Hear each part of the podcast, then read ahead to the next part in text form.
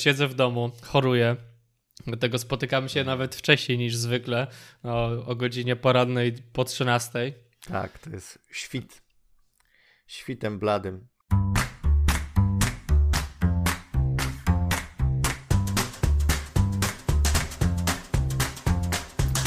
Kinotok. Podcast filmowy.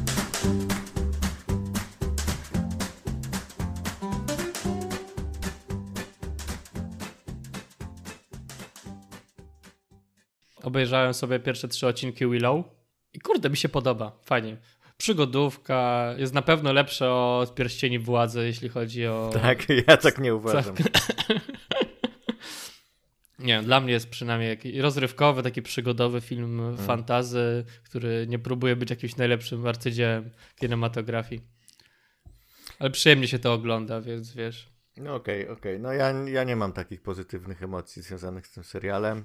Wczoraj obejrzałem właśnie trzeci odcinek i był moim zdaniem najsłabszy ze wszystkich. To prawda, generalnie, generalnie jest tak właśnie dokładnie. Potem idę do Magdy, mówię, Magda, słuchaj, ten Willow jest taki słaby. On jest słabszy niż, niż pierścienie władzy. Ona tak, na serio? Aż tak, ja mówię tak. Więc tutaj się różnimy, jak chodzi o opinię. Nie, mi się, no, coraz mniej mi się podoba ten serial.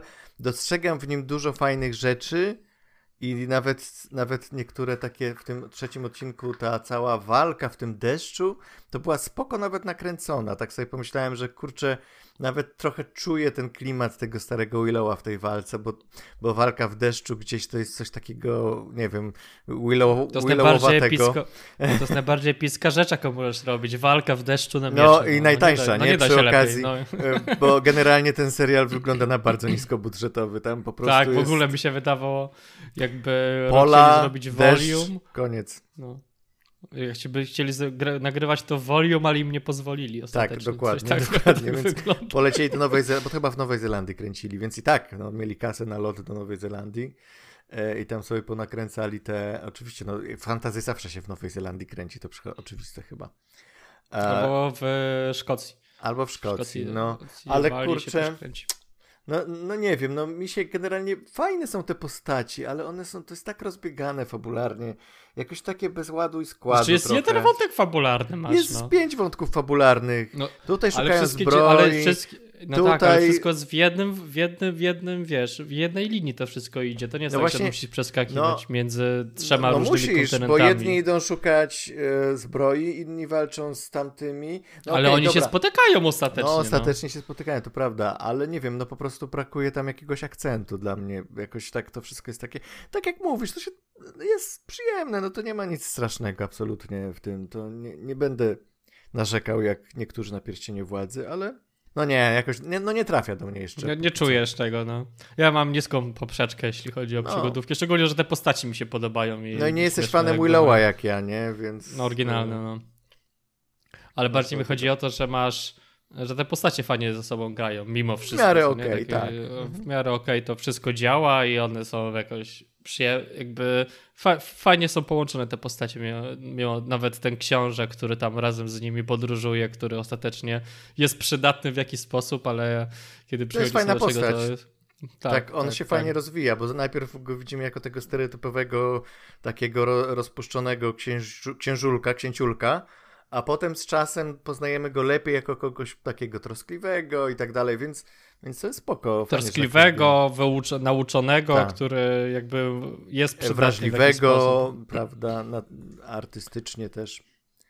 Mi się um. wydaje, że to jest tak, że zawsze myślałem o tym jak o postaciach z Dungeons and Dragons, taką przygodową, typową, przyg tak. ten, typową nawet, grupę nawet ludzi. Nawet ta metalika na końcu przygód. trzeciego odcinka to już jest taki Dungeons and Dragons, że już chyba bardziej by się może. I tak sobie myślę, kurde, no Dlatego też jakby, znaczy oczywiście te twisty są banalne, tak, i to wszystko łatwo się dogrywać, ale zawsze tak myślałem, okay, ta postać jest, ma taką klasę postaci, to jest taka klasa postaci, to jest taka klasa postaci i była ta jedna, która była niby tajemnicą i myślisz sobie, a, a jaką ona ma klas postaci? W końcu dowiaduje się, jaką ma, ale dopiero w pierwszym czy tam drugim odcinku. Ale oni są wszyscy na pierwszych poziomach, czyli tak naprawdę hmm. nic nie potrafią.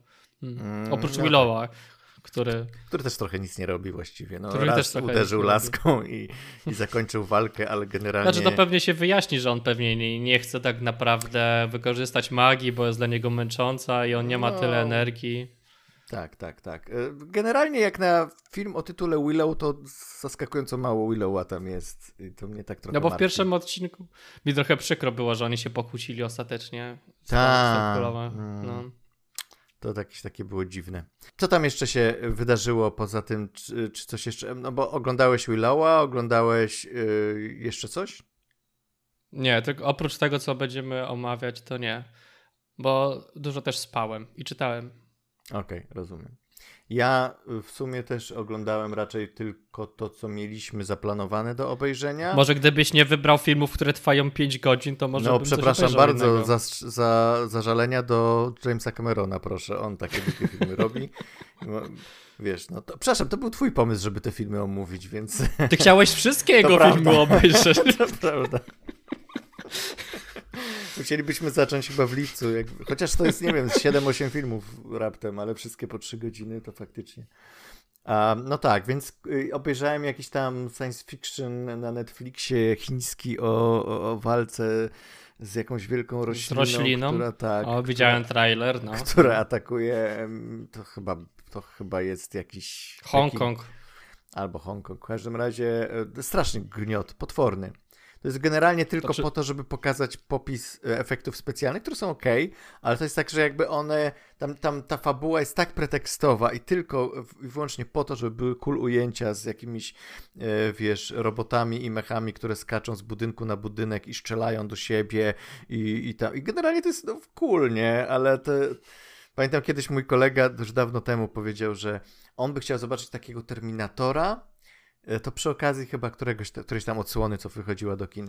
On chciałby zobaczyć takiego Terminatora, który, w który jest tylko o tym, że cały czas się napierdalają roboty. Po prostu nic innego, tam nie ma zero fabuły. Przez dwie godziny napierdalają się roboty. No to to jest ten film. I to lepiej brzmiało, jak on to mówił i to rzeczywiście człowiek mógł się myśleć, kurczę, to byłoby fajnie, ale jak to oglądasz, to może jednak coś, coś, żeby zahaczyć jakieś emocje w tym wszystkim by się przydało. No bo tak, no bo dobre efekty specjalne nadal potrzebują trochę kleju w postaci tej fabuły. Jeśli ta fabuła jest przynajmniej ok, to film może być bardzo dobry, ale jeśli fabuła jest kiepska i nie łączy nic ze sobą, to nie ma sensu, bo możesz wtedy oglądać te efekty specjalne oddzielnie, a to nie jest... Tak, to jest taki filmu. reel, e, wiesz, e, demo reel, nie? Że o, zobaczcie jak fajnie robimy No. efekty.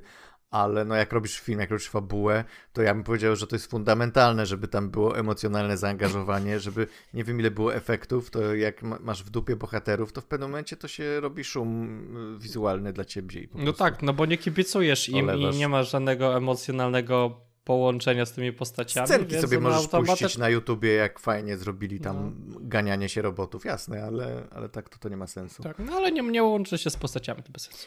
Znaczy ja widziałem trailer do tego, A, więc no, no. byłem taki, o nie, nie, absolutnie nie.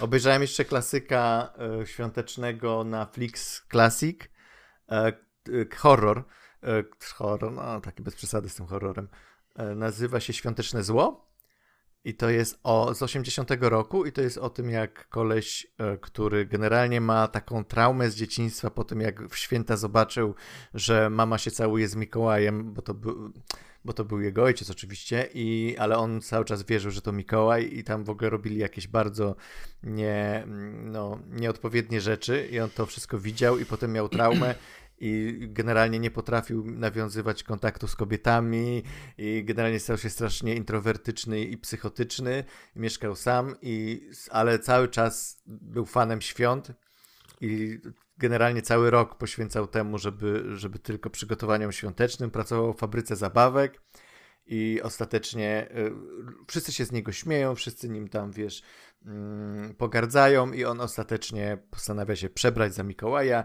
i jakby, wiesz, sprawiedliwość wymierzyć wszystkim tym, którzy byli dobrzy, a tym, którzy byli źli, dać ładne prezenty. No taki schemacik, znaczy, no wiesz, no lata 80. A, No nie poskładał tego, że, że święty Mikołaj nie istnieje, co nie? Więc...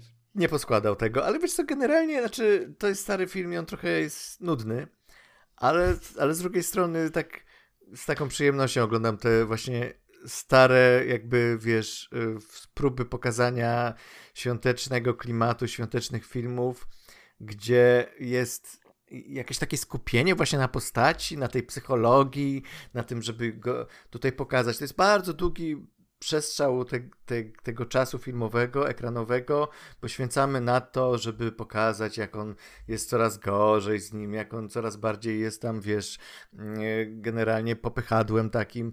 No i y, nie wiem, tam sama akcja z tą jego zemstą to jest ostatnie 15 minut filmu, nie? A do tej pory to, to był taki build-up, więc to jest coś, co by już nie grało w dzisiejszym kinie, ale może szkoda, bo my trochę właśnie te psychologiczne elementy postaci trochę tak y, olewamy czasami. Współczesne no, w świątecznych filmach. No właśnie, w znaczy, świątecznych filmach. Może nie współczesnych, bardziej w świątecznych filmach, takich wiesz, do popcorniaków, no to raczej się nie myśli o tym, bo to po co trochę. Także jakby ktoś chciał na odtrutkę tego słodkiego klimatu świątecznego, to polecam e, właśnie na Flix Classic jest ten film i jest jeszcze, to być może obejrzę, Czarne Święta Y, czyli pierwszy świąteczny slasher w historii z 70, Black, 70, Christmas, Black Christmas 74 roku. To jeszcze sobie mam do nadrobienia. Um, może, może to jest jakiś maraton, który trzeba przypomnieć sobie w następnym roku, te horrory Jest sporo tego, nie? Jest sporo. Jest sporo tego. Rzeczywiście jakoś Kevin w latach... w domu na przykład. No. na przykład. W latach 80 było dużo a, tego typu, wiesz, właśnie horrorowego podejścia do świąt. Potem też były, znaczy, ale. Bo zauważysz, że slashery są tanie. No. To prawda, ale przeważa właśnie ten bardzo słodki klimacik. No i rzeczywiście, jak tego teraz jest dużo na streamingach i chcemy to oglądać, bo tam jest dużo dobrych rzeczy, jak o czym zaraz powiemy, ale, ale jednak z drugiej strony no, e, są też takie. E, jest tak potrzeba, żeby na odtrutkę jakąś, więc e, polecam. Co tam nowego się wydarzyło w świecie filmu. Ty zapisałeś mi, co chcesz, żebym, e, o czym chcesz porozmawiać. O czym, o czym chcesz, żebyś po powiedział teraz. Z własnej woli i zupełnie nieprzymuszony. Były trzy trailery e, do wysokobudżetowych filmów. Których... Ale dlaczego były te trzy trailery? A co było? Coś było? Tak, to był, to był słuchaj, brazylijski no? Comic Con. Comic Con a, Brazil. Tak, rzeczywiście. A, no. Który był zupełnie zaskoczeniem takim, że ja w ogóle nawet nie wiedziałem, że coś takiego jest. Znaczy, no pewnie jest, ale nie wiedziałem, że to jest takie ważne. I nagle wieczorem wyskakuje zwiastun po zwiastunie jakichś bardzo oczekiwanych produkcji. Ja mówię, co się tutaj dzieje? A, także najwyraźniej ten brazylijski Comic Con staje się takim ważnym punktem na kalendarzu filmowym, co trzeba pamiętać potem. Ale tak, no takie trzy podstawowe zwiastuny, takie duże się pojawiły, e, o których, e, no myślę, kilka słów powiemy. No, czyli tak, po pierwsze, Indiana Jones i uwaga, tytuł angielski jest Dial, The Dial of Destiny, tytuł polski Tarcza Przeznaczenia. Ostatecznie już taki. No serio? Taki Potwierdzili? Będzie. Potwierdzili, Tarcza Przeznaczenia. No, no, no jak Dial patrzeć, inaczej? No tak, no Albo dial ma podwójne znaczenie. Ma. No, tarcza niby też, bo niby masz tarczę zegara i telefonu. jakby też, no... E, poczekaj, jak, jak się, na, jak mówi, nie tarcza się mówiła na telefony, na, na, na, na tarczę telefonu, nie dial. No nieważne. Może, nie, no, więc tak. E, ja to spojrzałem na to, myślałem sobie, dlaczego oni to robią, po co oni to robią i powinniśmy generalnie zakopać to, pozwolić temu Harrisonowi Fordowi siedzieć sobie i latać helikopterami i dać mu absolutnie spokój. A to zanim obejrzałeś, czy, czy po obejrzeniu tak stwierdziłeś? Po obejrzeniu okay. stwierdziłem to jeszcze bardziej. Okay. Bo nie jest to potrzebne.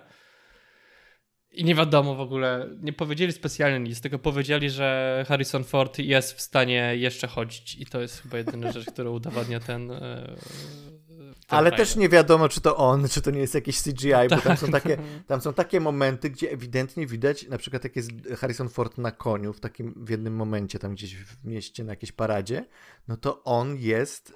To jest parada prawdopodobnie związana z jakimś lotem w kosmos, bo to też ma być e, część. Yy, historii, e, to on wygląda jakby był CGI-owo zrobiony na tym koniu i to jest takie, what? Ten stary Harrison Ford, ja rozumiem, że go e, zrobili młodego oczywiście CGI-owo, ale, ale że starego na koniu, no to to już jest, to już jest przesada.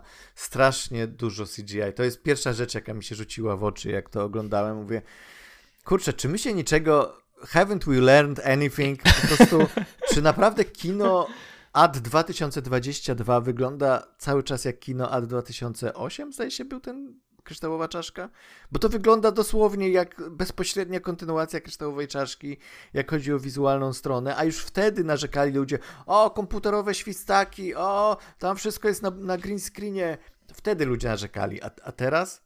No, rozumiem, że oczywiście, wiesz, film kręcony w pandemii, więc no nie, nie oczekujmy, że tam będzie aż tak dużo. Musieli trochę kombinować, nie? Z tym, żeby jednak część na tym blue screenie. Może nawet tam Lucasfilm wpuścił ich do tego voluma i mówił, dobra, nagrajcie tam coś. A, ale generalnie mam wrażenie, że tak 50% tego zwiastuna to są, to są efekty i nawet na tym zwiastunie one nie wyglądają za dobrze. To są takie momenty, że myślisz, o kurczę, naprawdę 2005 rok. Znaczy, to też jest taki. Znaczy, były te efekty pomładzania. Ja się trochę boję, że oni tam będą robić podróżowanie w czasie, czego jeszcze nie robił Indiana Jones, ale tego, to jest absolutnie. Boisz się tego? Nie... Ja bym tak chciał.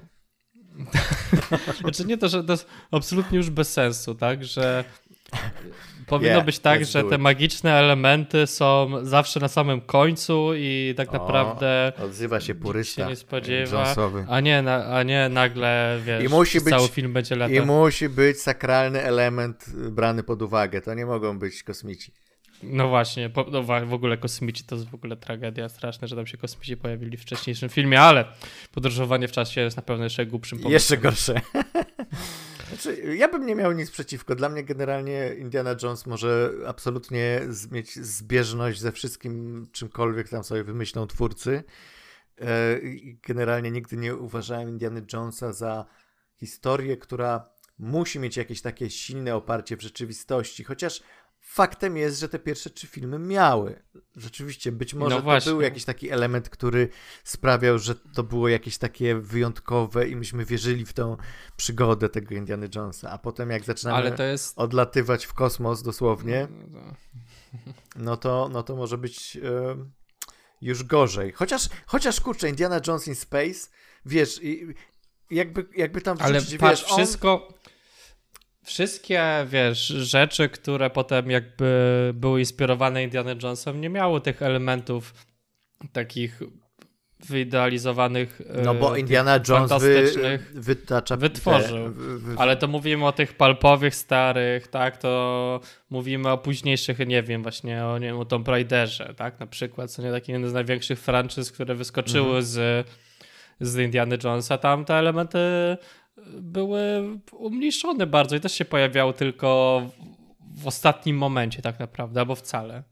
No jasne, no ale wiesz, no Indiana Jones jest tym takim pierwowzorem w cudzysłowiu, który może właśnie przetaczać nowe szlaki i pokazywać, ej, możemy teraz coś innego robić na przykład i potem wszyscy będą naśladować Byłoby Indiana lepiej, Jonesa. byłoby lepiej, gdyby walczył z dinozaurami. No podróże w czasie, hello. Ale nie, nie, że znalazłby miejsce na Ziemi, gdzie są dinozaury. Podróż do pod Indiana ziemią. Jones i podróż do wnętrza Ziemi. Tak. No. Tak. Chociaż myślę sobie w tym filmie, jak mają być podróże w, w kosmos, loty w kosmos, to chcę mieć scenę, w której Indiana Jones się ukrywa w jakiejś rakiecie, bo przed kimś, nie, ucieka przed jakimiś nazistami i biegnie przez ten jakiś tam, nie wiem, lotnisko, czy, czy jak się nazywa ta platforma, gdzie i on nie wie, gdzie jest bez noc i wchodzi, ukrywa się gdzieś i nagle 3, 2, 1, startujemy, nie? I to jest rakieta. Co? Jestem w kosmosie, o nie! Indiana Jones musi się, musi z powrotem i szuka lodówki, nie? nie? Gdzie jest lodówka, gdzie ja mogę w tej lodówce wrócić 80-letni Indiana Jones próbuje Słuchaj, się nie przejmuj ukryć. się, on tylko twarz ma y, wklejoną. Aha, Cała tak, reszta no, to tak. jest na pewno jakiś Chris Pratt albo inny, albo kaskader generalnie, który, który to robi. Nie no, no. Swoją drogą, Indiana Jones, y, znaczy Harrison Ford faktycznie, no jasne, kurczę, no jak się ta melodyjka pojawia i on w tym kapeluszu, no, no coś tam nie łapie za serce, jak to oglądam. No nie będę ukrywał, że coś mi tutaj no, ruszyło, ale to jest takie... No ja cię rozumiem, ale to jest chwyt, nie możesz się... To jest chwyt, nie dokładnie. Możesz, nie możesz, znaczy, nie mogę, możesz. bo o to chodzi trochę w Hollywoodzie, ale generalnie spoko. To by to jest tanie, ale no, ale działa, więc zobaczymy. To jest chyba to jest chyba jeden z nielicznych, gdzie Spielberg nie będzie miał nic do czynienia tak naprawdę. E, znaczy to jest pierwszy Indiana Jones, gdzie Spielberg nie reżyseruje. No tak, no mówię, że pierwszy... No, że pierwszy, gdzie on chyba nie dotyka się tam za bardzo. Nie, chyba się dotyka. Chyba. Znaczy, on miał to robić, więc zakładam, że jakiś tam będzie miał jakąś Producent- tam, jakiegoś... e, Producenta.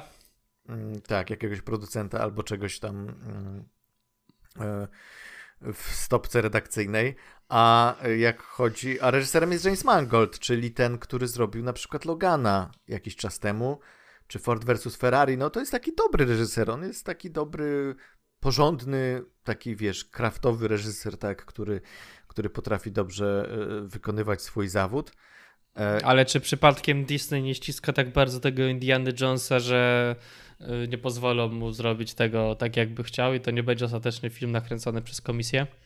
Jest to bardzo możliwe. Jak patrzę na przykład na seriale, które powstają na Disney Plus, albo filmy też, albo generalnie filmy ostatnio, to wiesz, to już jest taka taśma produkcyjna, to już tak szybko i musi, wiesz, następować jedno po Niesamowicie, co nie? No. że generalnie nie ma czasu, żeby tutaj się za bardzo artystycznie, y, wiesz, y, wyżywać, a zwłaszcza, że to jest taka marka, której oni faktycznie pilnują, bo tam może mają jakieś plany, na pewno mają plany już na Na, serial. no już na pewno, no, już po zanim jeszcze zaczęli kręcić, to mówili, że To serial już mieli będzie. plany. Mhm.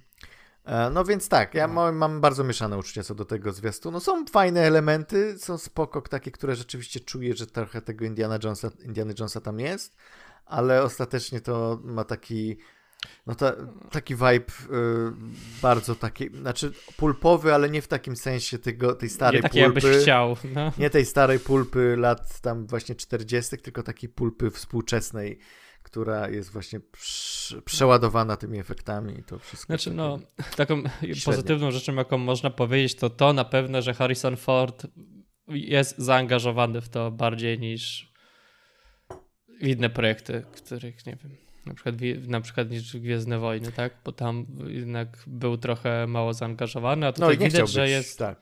No i nie chciał być. A tutaj jednak jest jakby tr- To troszkę ma lepsze podejście. No, to jest jego tak bardziej. On bardzo tak, on bardzo. Znaczy, z mojej perspektywy bardziej, to już gadaliśmy o tym wielokrotnie, tak, że Han Solo to rzeczywiście jest postać stworzona przez Harrisona Folda. Cokolwiek bym o tym on nie myślał, to, to postać nie, jakby jest, jest połączona z nim mocno. To w przypadku Indiana Jonesa, jakkolwiek by Harrison Ford nie uwielbiał tej, nie uwielbiał tej postaci, to jednak, e, no to jest James Bond, tak, no to dosłownie jest James Bond, bo, bo tak zapiczował Lucas Spielbergowi ten film, jak Spielberg chciał zrobić Bonda i Lucas A mówi, nie słuchaj, pozwolili mu. Jemu nie pozwolili, to Lukas mówi, słuchaj, ja tutaj mam takiego y, prawie Bonda, to masz, to zrób. E, więc, więc można go tutaj rekastować bez No. problemu.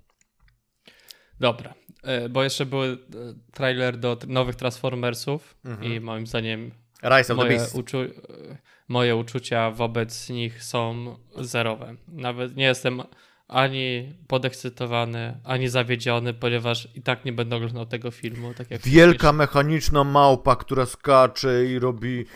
O, a potem mówi coś do, do Optimusa, Optimus Prime, który wygląda prawie jak ten oryginalny. Ale troszkę inaczej. Ale trochę inaczej, ale prawie, już bardziej niż w filmach um, Beja. Bo to nie jest Beja film, także tutaj Tak, bo to jest, jest nadzieja, że to jest film Beja. No bo to jest jakby część tego. Tego popa. Ten. Reboot. No. Y, po- Reboot. po- Ale to jest reboot, który zaczął się tym filmem z tym żółtym samochodem, tak? Tak, tak?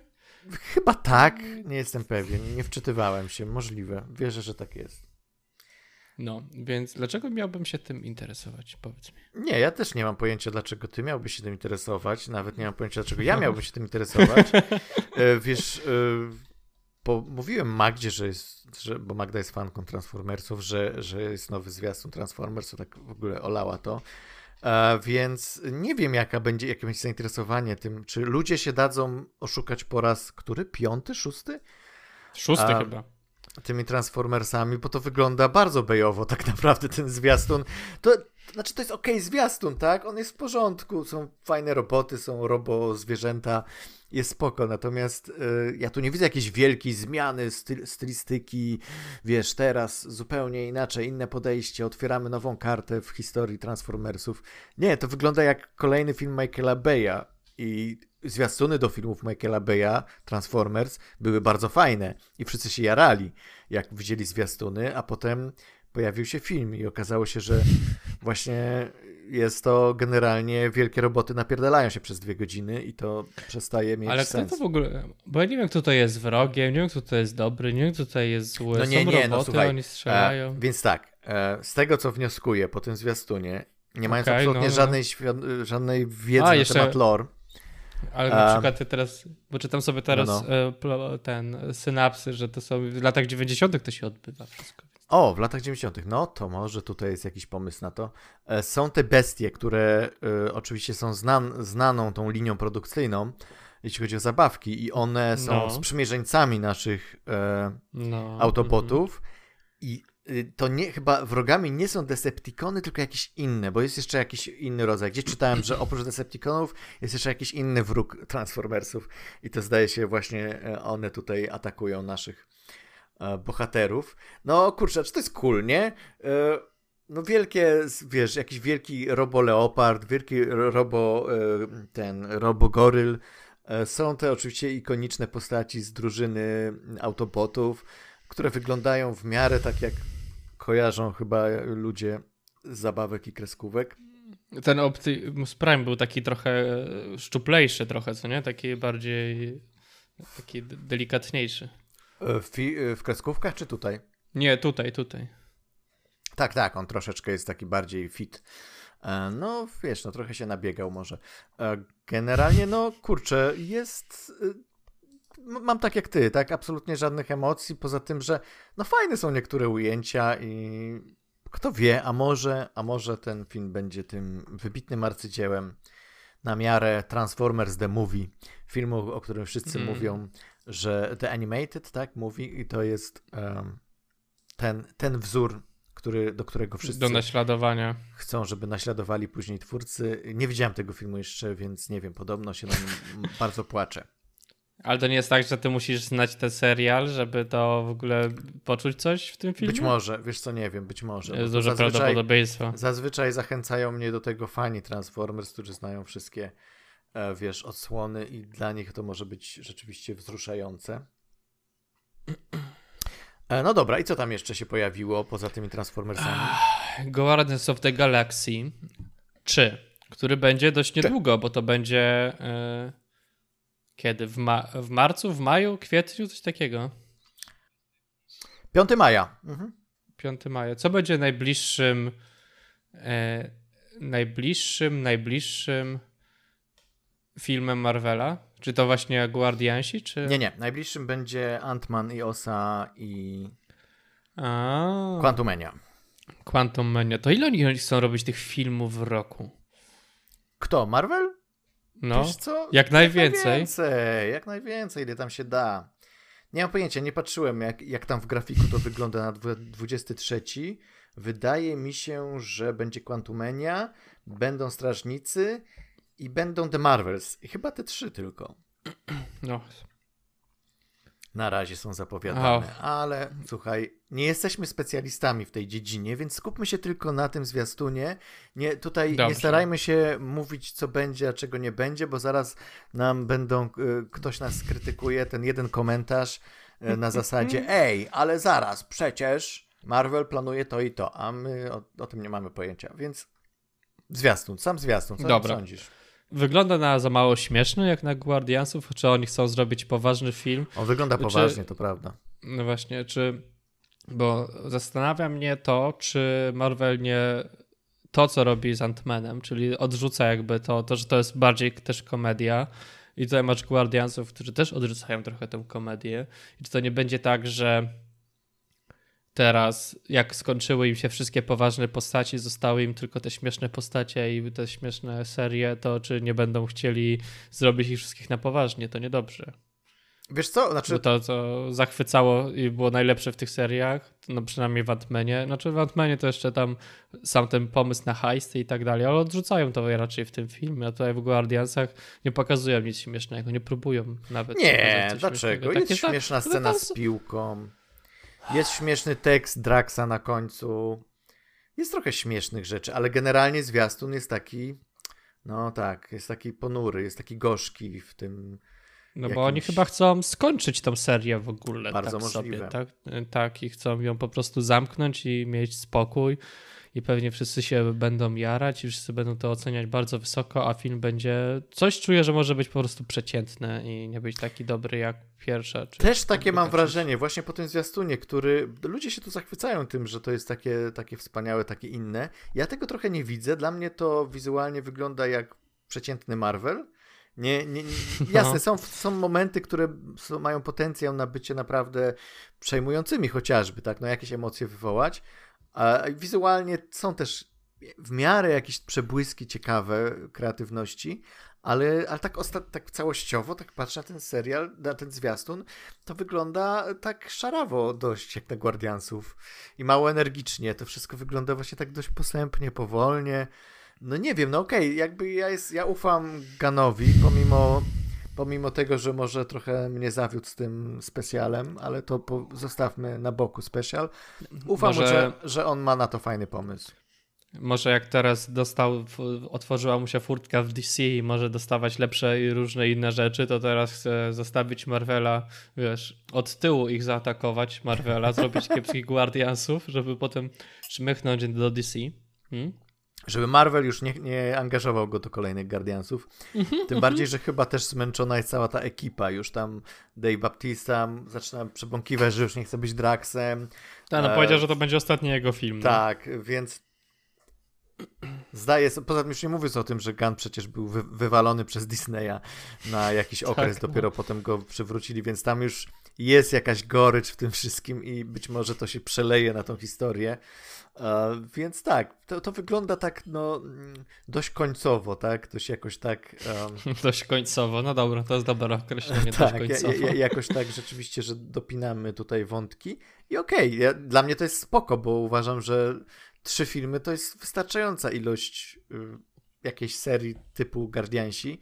Y, no, no bo co jeszcze można Albo powiedzieć? Indiana tak? Jones. Albo Indiana... Nie, Indiana Jones może lecieć. Indiana Jones może lecieć. A, Więc to byłyby zwiastuny z brazylijskiego Comic-Conu. A teraz przechodzimy do, do filmów. O, film w końcu. Chyba zaczniemy od Trolla, co nie? E, nie wiem, czy ty, czemu ty chciałeś to obejrzeć. Ja nie pamiętam, czemu ja chciałem to obejrzeć, ale potem zacząłem, chciałem to obejrzeć, ponieważ ty chciałeś to obejrzeć, żebyśmy mogli o tym pogadać. Po czym ja to Szczególnie- obejrzałem i powiedziałem, mmm, Paweł, chyba to nie jest coś... Obejrzmy co... coś jeszcze. Obejrzmy coś jeszcze lepiej, bo tak e, obejrzałem i nie wiem, czy będzie to długa dyskusja na temat tego filmu, ale może będzie. Zobaczymy. Czy dobra. Dobra, ja powiem tak. Mi się ten film nie podobał, to jest słaby film i generalnie można lepiej nie oglądać go. Jest Lepiej go lepszy. nie oglądać.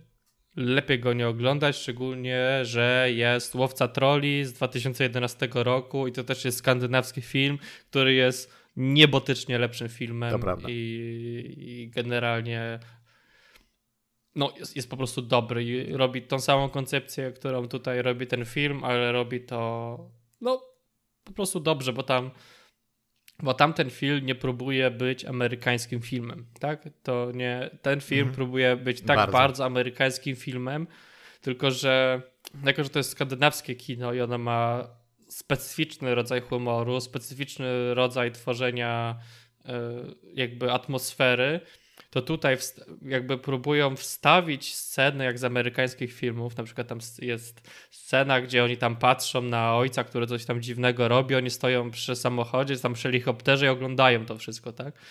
I to jest scena jakby, no, nakręcona jak z amerykańskiego filmu. Przez Ameryka, dokładnie. Bo to jest po postać Tak. wyjęta z każdego filmu Ameryka. Ten wariat, nie? Który, musi, który mówi, ja wam mówiłem, że to prawda. I teraz masz. I ta scena jest tak zaaranżowana, tylko że ona jest nakręcona po szwedzku i oni nie mają w ogóle timingu przygotowanego do tego, żeby. Znaczy, po no, skandynawskie kino jest jakby ra- raczej podobne do, sobie, do siebie. I oni jakby mają zupełnie No nie wiem, Szwedzi by timing. się wkurzyli, jakby to usłyszeli, że dobra, Szwecja, Norwegia, no wiadomo. Jeden pies. Polska. Rosja, whatever. Kino podobne, no jakby nie patrzeć. Podobne. Mhm.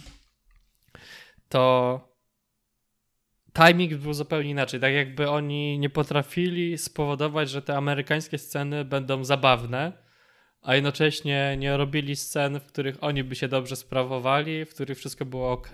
Nie wiem, na przykład, dla mnie na przykład sceny, które były może inaczej, gdyby ten film mi sprzedali jako parodię amerykańskiego filmu, to bym się lepiej prawdopodobnie go obejrzał, gdyby poszli jakby w tym kierunku mhm. i pokazywali błędy, problemy tych filmów, jakby patrząc ze swojej perspektywy, patrząc jakby to się nie dzieje w Ameryce, to może inaczej by się to wszystko rozegrało i inaczej by ten film mógłby, byłby odebrany przeze mnie. Te sceny wszystkie w w tej sztabie kryzysowym, który tam się pojawia, no po prostu za każdym razem jak tam się zaglądałem, to myślę, dlaczego ci ludzie tam siedzą? Dlaczego nie potrafią zrobić jednej rzeczy, która okazała się skuteczna i stwierdzają, że nie będą więcej tego robić, bo wyszło trochę głupio, i, ale udowodnili im coś, ale nie. Dlaczego główna bohaterka jest archeologiem i dlaczego ją zgarnęli do tego, żeby przewodniczyć? jeśli jest kobietą od, czy panią od e, dinozaurów, dlaczego ją zabrali do tego. Dlaczego, dlaczego ona jest w tym filmie? Dlaczego ona jest główną bohaterką? Ja tego nie rozumiem mm -hmm. zupełnie. I to wszystko po prostu się jakoś nie układa. E, te sceny są suche, żarty nie siadają i jakby za bardzo chcieli zrobić to zamerykanizować. Nie wiem, czy to Netflix była produkcja Netflixa, czy Netflix to kupił od kogoś, bo jeśli to Netflix produkował, to wiem skąd się biorą problemy. Jeśli to, mm -hmm. Jeśli to kupił, to no, może coś było nietrafione. I może Z tego co wiem, tak, to było robione koncept. dla Netflixa. Y, jakby Netflix to zlecił, zdaje się E, a w każdym razie kupił jako koncept pierwotnie. I być może rzeczywiście nawet nie czy Netflix dał taki, taki tutaj prikaz, że to musi być bardziej uniwersalne, co po prostu twórcy stwierdzili, ok, skoro dajemy to na Netflixa, to będzie oglądać cały świat, to zróbmy to bardziej takie w amerykańskim stylu uniwersalnym, żeby wszyscy zrozumieli, żeby to nie było takie niszowe i takie lokalne. Znaczy jest lokalne, jeśli chodzi o, o położenie wydarzeń, znaczy o, o, o to, gdzie się dzieje akcja. Natomiast jak chodzi o taki klimat, no to jest bardziej amerykańskie, to prawda. E, ale wiesz co, kurczę, to ja chyba myślałem, że nie będę musiał, ale chyba stanę trochę w obronie tego filmu, skoro tak go krytykujesz, bo e, znaczy, po pierwsze, ja obejrzałem ten film i uważam, że absolutnie nie jest tak dobry jak Łowca Troli, nic świeżego nie wprowadza do, do jakby gatunku, bardzo rzeczywiście jest zapatrzony w to amerykańskie kino, stricte w kino Ameryka katastrofalne, a stricte, już jeszcze bardziej stricte w Godzilla z 98 no roku. Nawet e... scenę, jak oni z tą czaszką jechali, ja myślałem, tak, że to tak, nie jest to scena jest, z Godzilli. To jest scena z Godzilli slash e, Zaginionego Świata, tak? Więc, e, więc to wszystko rzeczywiście jest bardzo wtórne. Natomiast ja się bardzo dobrze bawiłem oglądając ten film i widząc te klisze i zdając sobie sprawę z tego, z czego oni czerpią, naprawdę miałem frajdę, ale to po pierwsze dlatego, że ja lubię w ogóle monster movies, lubię kino katastroficzne, więc y, jeżeli to jest poprawnie zrobione, to będę to z przyjemnością oglądał. A po drugie, e, pomyślałem sobie, że e, jednak jest jakiś element trochę inny. E, znaczy, miałem wrażenie, że okej, okay, Amerykanie jednak by to inaczej zrobili i to wcale nie wiem, czy lepiej, bo jest tutaj bardzo dużo elementów takich, które jednak. Ponieważ to jest historia, która dzieje się w Norwegii, ponieważ dotyczy norweskich legend i, i norweskiego potwora, tak? To już samo to sprawia, że jest to trochę inne spojrzenie. Może za mało inne, może nie tak inne jak w Łowcy Troli, ale jednak jest to na tyle inne, żebym czuł, że okej, okay, nie oglądam takiej bezpośredniej kopii amerykańskiego kina, tylko właśnie takiego omarzu bardziej, że to jest omarz dla e, amerykańskich monster movies i e, dla filmów Ameryka, ale mam wrażenie, że niektóre rzeczy ten film robi lepiej niż tamte filmy. I mam wrażenie, że w ogóle od strony takiej techniczno-wizualnej tam jest naprawdę kilka bardzo fajnych pomysłów. To, co nie działa, to, co nie działa tutaj, to to, że, że ten film faktycznie zbyt poważnie siebie bierze. Znaczy, ja trochę rozumiem, ja trochę rozumiem o co chodzi, że to jest niby na poważnie, ale to jest takie no, opowiadamy historię wielkiego trola, który chce wrócić do swojego domu, bo mu pozabili rodzinę, tak idzie przez całą Norwegię i tam e, taranuje Oslo. I, jakby no musisz widzu zrozumieć, że przecież nie oglądasz, e, prawda, jakiegoś Bergmana, tylko oglądasz film o trollu, którego trzeba tam zlikwidować. I, I, w tym sensie tam są takie żarciki właśnie, tam jest taki, jest taka lekkość trochę e, w opowiadaniu tej historii i takiego, takie bardzo małe przymrużenie oka, ale to nie jest takie wprost, znaczy to nie jest taki, że leci żart za żartem, to nie jest na zasadzie takiej, że cały czas e, właśnie, to nie jest parodia, tak jak mówisz. I ja moim zdaniem, znaczy dla mnie to jest plus, że to nie jest parodia, bo ja bym chyba znaczy, nie, nie bo to nie jest parodii. parodia. Ja bym chyba nie chciał nie parodii. Parodia, ja wolę, jak oni na serio to biorą, nie? E, ale ale, ale, na Włowcy, przykład... ale patrz, Włowcy Trolli zrobili to na serio. Masz ale naprawdę... Zrobili, ale technicznie zrobili to inaczej też, nie? No tak, zrobili to technicznie inaczej, ale na przykład ten świat zbudowany był ciekawszy, tak? No bo tam wszyscy w rządzie wiedzieli, że trole istnieją, bo dlaczego ci ludzie by nie mieli wiedzieć o tym, jeśli są u szczytu władzy? Mogliby to ukrywać przed ludźmi, ale Słuchaj, dlaczego oni tego nie wiedzą, to jestem Absurdów w tym filmie jest mnóstwo. Dlaczego wybierają panią paleontolog? Ponieważ jest główną bohaterką i jest od dinozaurów, to jest cool. Więc y, i ten film akurat moim zdaniem tutaj nie mówi, że okej, okay, chcemy po, poważnie wytłumaczyć, tylko właśnie dokładnie bierzemy panią paleontolog, tak jak w Godzilli wzięto kolesia od robaków. Dlaczego wzięto kolesia od robaków, żeby za Godzillą się uganiał? To jest główny bohater, koniec. Tutaj mamy większą podbudowę, bo przynajmniej ona ma jakieś doświadczenia, że tam jej ojciec, prawda, był jakimś tro trolloznawcą, więc... Ale to e, też jeszcze była akcja, gdzie ona wchodzi do tego pomieszczenia, tego control roomu, gdzie są war roomu tak naprawdę mhm. i on, ona siada i ona stwierdza nagle Ej, wy ludzie absolutnie nie nadajecie się do pracy, w której jesteście. To nie jakby była jedynie, jedyną świadomą postacią w filmie. No i tak, to jest prowadzone. Wszyscy mają być głupi, no. ona ma być mądra i ewentualnie mieć kogoś, kto przejdzie na jej stronę, tak? E, więc to są te schematy i E, powiem tak, mi się na przykład, bo to rzeczywiście do Godzilli najbardziej ten film nawiązuje, e, tej Ameryka, i moim zdaniem mi się bardziej podoba Godzilla, dlatego że bardziej mi się podobają postaci w Godzilli, są głupsze, znaczy to jest jeszcze głupsze, to jest jeszcze bardziej samoświadome no, no, i no, no. jeszcze bardziej, e, wiesz, e, przeskakuje rekina, bo historia w ogóle z tymi e, E, to jest to, czego mi tutaj brakowało. To też zaraz powiem o jednej rzeczy, że tam mamy jeszcze cały, cały dodatkowy wątek tych dzieci, e, Godzilli, czyli małych Godzilątek, które trzeba zlikwidować, to jest w ogóle makabryczne, ale, ale wiesz, no to, to jest jakby dodatkowy taki, mamy jeszcze tutaj taki prezencik dla was, jedziecie na, filmu o, na film o Godzilli, to w prezencie dostajecie jeszcze całą masę małych Godzilątek, z którymi trzeba się tutaj uporać. uporać. w nowym, e, to co mi się podobało w Kong vs. Godzilla, że mamy film o tym, że Kong walczy z Godzillą, ale dodatkowo mamy wejście do środka ziemi i mamy kompletnie jakiś nowy świat, który będziemy eksplorować. Więc to jest taki, to jest taki po prostu, wiesz, tak jak Kinder Niespodzianka, nie? To jest nie, nie jakaś niespodzianka w tym filmie. Tutaj tego nie ma. Tutaj mamy historię o tym, że jest troll i tego trolla trzeba zlikwidować, trzeba wymyśleć, jak go zlikwidować. Nie ma nic więcej. I, I nawet jest jakiś back, backstory pod tytułem, że on miał, prawda, rodzinę. No ale ta rodzina nie żyje, to są jakieś tam kości, które po prostu gdzieś leżą, więc tego też nie eksplorujemy. Hmm, no i nie. jeszcze jedna rzecz, którą tutaj trochę mnie wkurza w, tym, w tej historii. No, to no, to, no, no.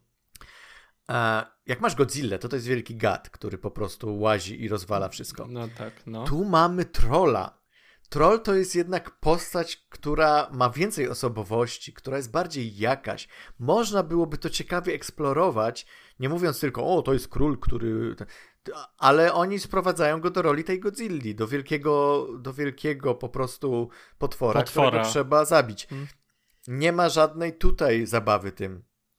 I to, i to mnie drażni, że, że, że poza tym, że oni tam próbują jakieś takie elementy ludzkie nadać temu trollowi poprzez to, że o tam tą czaszkę dziecka y, będzie ganiał, ale to, ale to jest tak samo jak Godzilla, która gania, y, gania tą taksówkę, albo tak samo jak T-Rex, który ganiał e, naszych bohaterów, bo mieli jego dziecko. To, to jest najbardziej prymitywne podejście, nie? Można byłoby rozbudować to o wiele lepiej, tak jak w Kong vs. Godzilla mamy całe królestwo Kongów i tam mamy. jest i, ta, i tam Kong staje się postacią, a tutaj troll nie jest żadną postacią, jest przeszkodą nie. tylko i wyłącznie. I to jest, i to mi się nie podoba, rzeczywiście. To jest coś, co, co sprawia, że, że no muszę powiedzieć, że ostatecznie tak obejrzałem to i okej, okay, dobrze się bawiłem, nie mam nic więcej do powiedzenia na temat tego filmu. Paweł, choć obejrzymy coś więcej, bo, bo tutaj za mało jest e, po prostu materiału, ale no jak się okazuje, przynajmniej ty miałeś wyraźnie, wyraźnie ci się film nie podobał, masz wyraźne tutaj e, Może inaczej, częściej zarzuty. się śmiałem z, częściej się śmiałem z filmu niż, niż z, z filmem. Znaczy wątpię, żebym się w ogóle zaśmiał z filmem kiedyś. Okej, okay, okay. W czasie e, seansu. No tak, ja się kilka razy za, zaśmiałem z filmem. Kilka było takich żarcików, które jakoś tam trafiły do mnie, więc e, nie, nie pamiętam już. Kurczę, co, coś, coś było zabawnego, ale ten film jest tak. Ten film jest tak, stara się być tym kinem środka, że, że zapomniałem. Ale no. powiedziałeś, nie ma za co za bardzo rozmawiać o trollu. Więc powiedzieliśmy, żebyśmy obejrzeli Spirited, czyli nowy film z Willem Farrellem, mhm. który jest świątecznym musicalem, więc e, na zmianę ten film mi się super podoba. Mam mnóstwo problemów, ale ja się świetnie bawiłem. Mhm. Znaczy, więc to jest musical z Willem Farrellem. No, no, I od razu Paweł jest kupiony. Ja jestem kupiony. Jeszcze Ryan Reynolds się gdzieś tam pojawia, to on też jest całkiem spoko, więc no dla mnie to już, już na starcie wiedziałem, że mi się to będzie podobało i się nie myliłem. Szczególnie, że głupia koncepcja, czyli co by się stało, gdyby duchy, które nawiedzały Scrooge'a tak naprawdę była jedną wielką organizacją i co roku wybierało kogoś do tego, żeby go nawrócić na, na coś dobrego. Tak, to jest w ogóle... Aż to, co mi się podoba, że, że ten już tak starty do, nie, do granic możliwości motyw y, Trzech Duchów i Scrooge'a i opowieści wigilijnej, który po prostu już widzieliśmy tyle wersji, w tym roku ze trzy jeszcze powstały, więc y, i biorą znowu to samo, ale robią jakiś twist z tym i naprawdę ten twist jest fajny, jest, jest kreatywny, jest pomysłowy, y, więc już sam plus za to, nie? Że, że, że zaczyna się film i okej, okay, oni chcą inaczej opowiedzieć tą historię więc, więc spoko, nareszcie, nareszcie, jak już, jak już trzeba tą opowieść wigilijną opowiedzieć po raz kolejny, to zróbmy coś nowego z nią i tutaj faktycznie robią. Eee... Zrobili, znaczy zrobili to z jajem, oczywiście jakby, no jakby cała fabuła skupia się na tym, że oni spotykają osobę, która jest nie do nawrócenia i próbują ją nawrócić i to jest mhm. Ryan Reynolds, który jest super marketingowcem, który wykorzystuje nienawiść ludzką do tego, żeby sprzedawać, sprzedawać rzeczy i okazuje się być po prostu trudną osobą do przejścia, która psuje cały plan yy, tak. duchom i co, co ma jakieś jakby niespotykowane, dziwne i nieprzewidziane, nieprzewidziane konsekwencje. Tak, tak. Znaczy tutaj bawią się tym, że jest... Yy zazwyczaj w tych historiach opowieść wigilijna masz tego złego Scrooge'a i te duchy, dobre duchy, które chcą mu pokazać, jaka jest właściwa droga.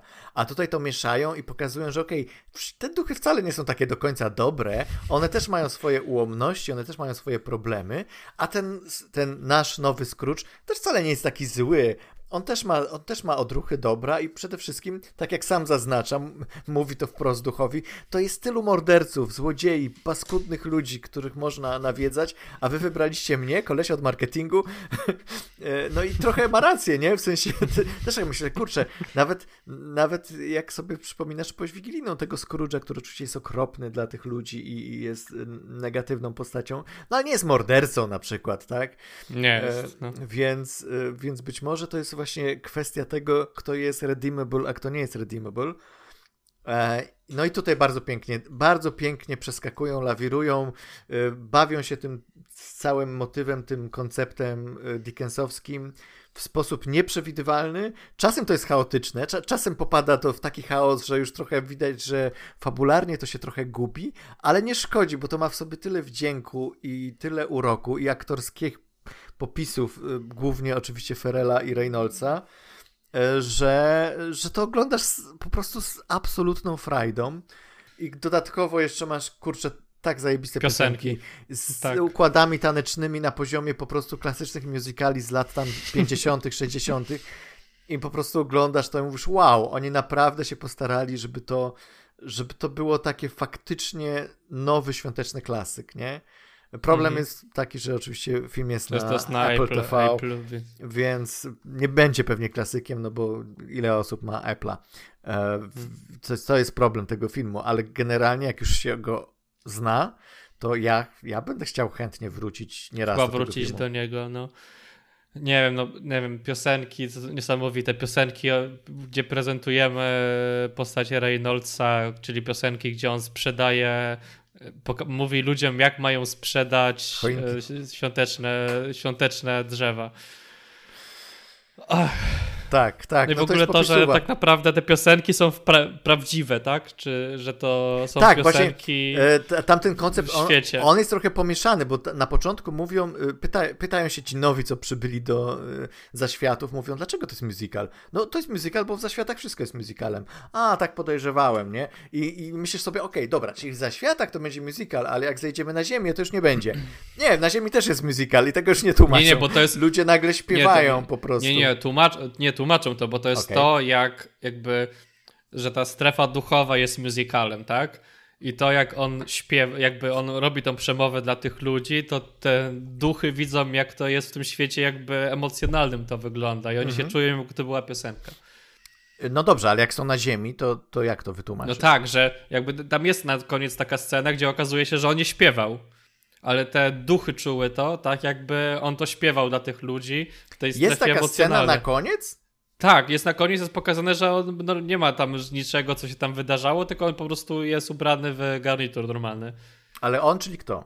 Ryan, Ryan Reynolds.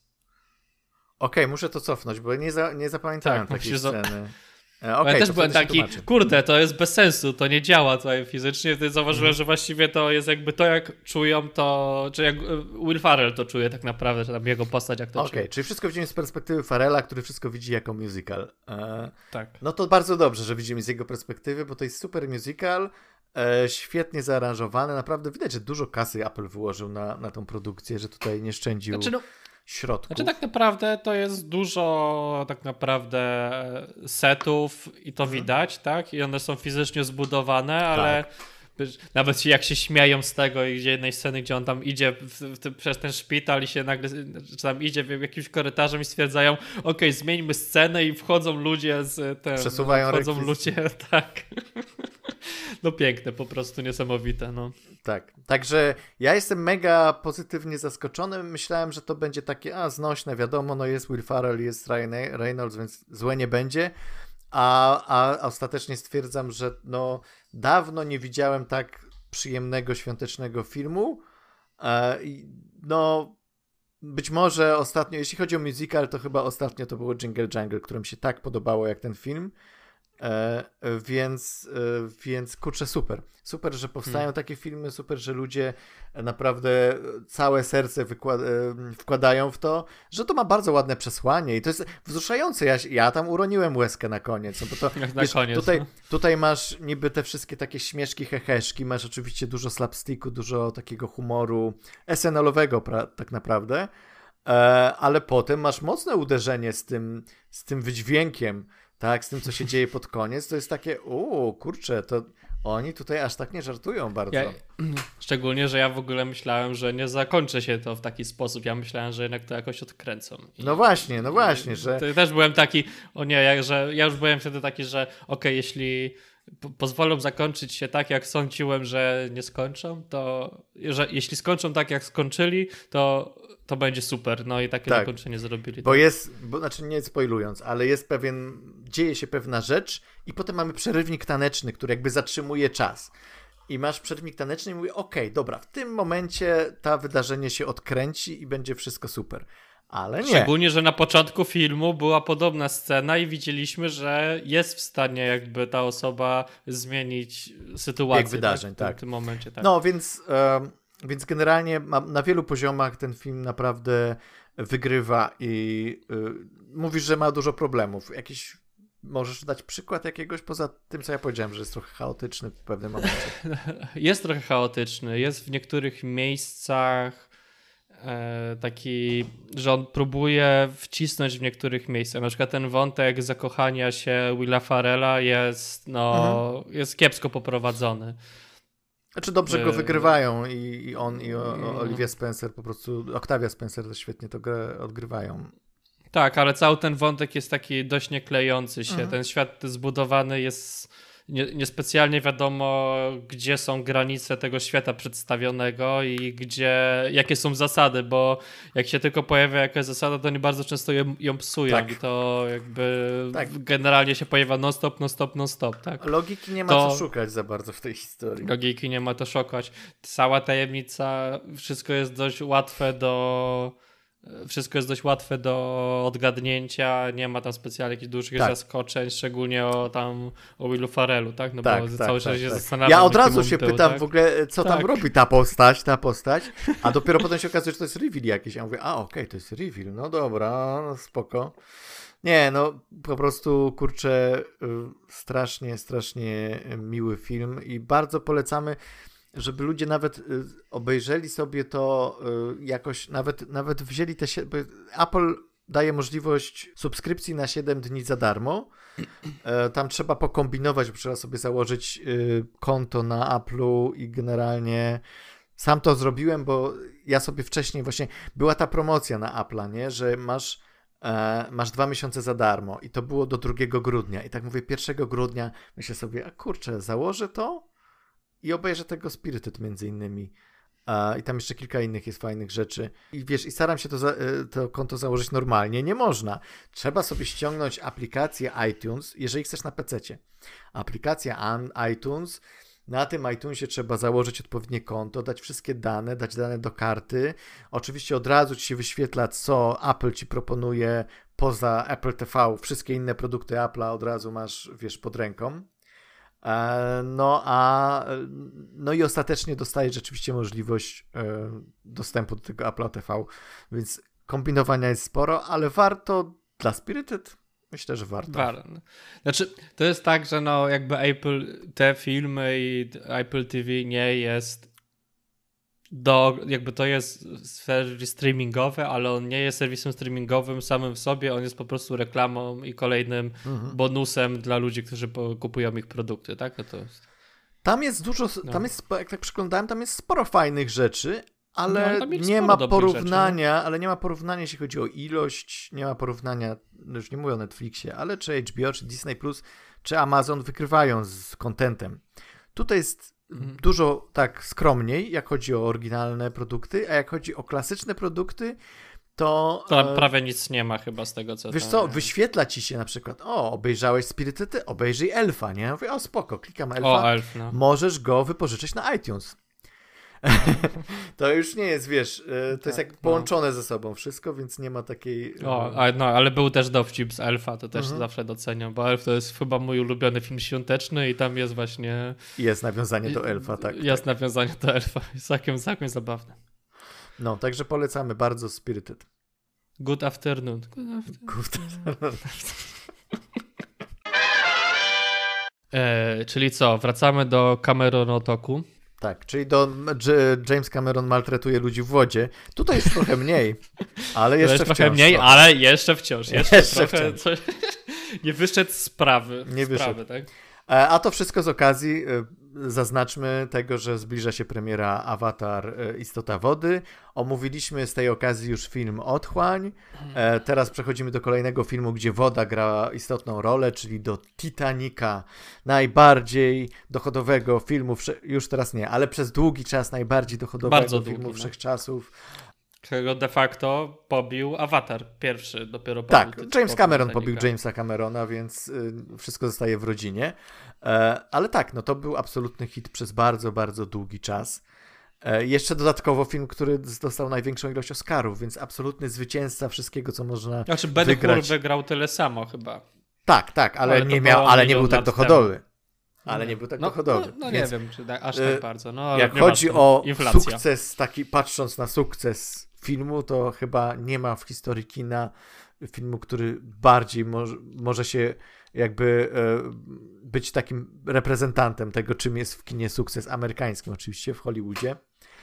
E, Szczególnie, że to jest film, który nie jest częścią franczyzy, nie, Nie jest. jest, e, jakimś, nie wiem, znaczy to jest wysokobudżetowym filmem, mocno reklamowanym, mocno jakby prezentowanym, no ale nie jest to, no może przeminęło z wiatrem, to był taki film, który mógłby dorównywać mhm. tym, jakie miało znaczenie dla branży, branży. Tak, I no, branży, i tak. kultury.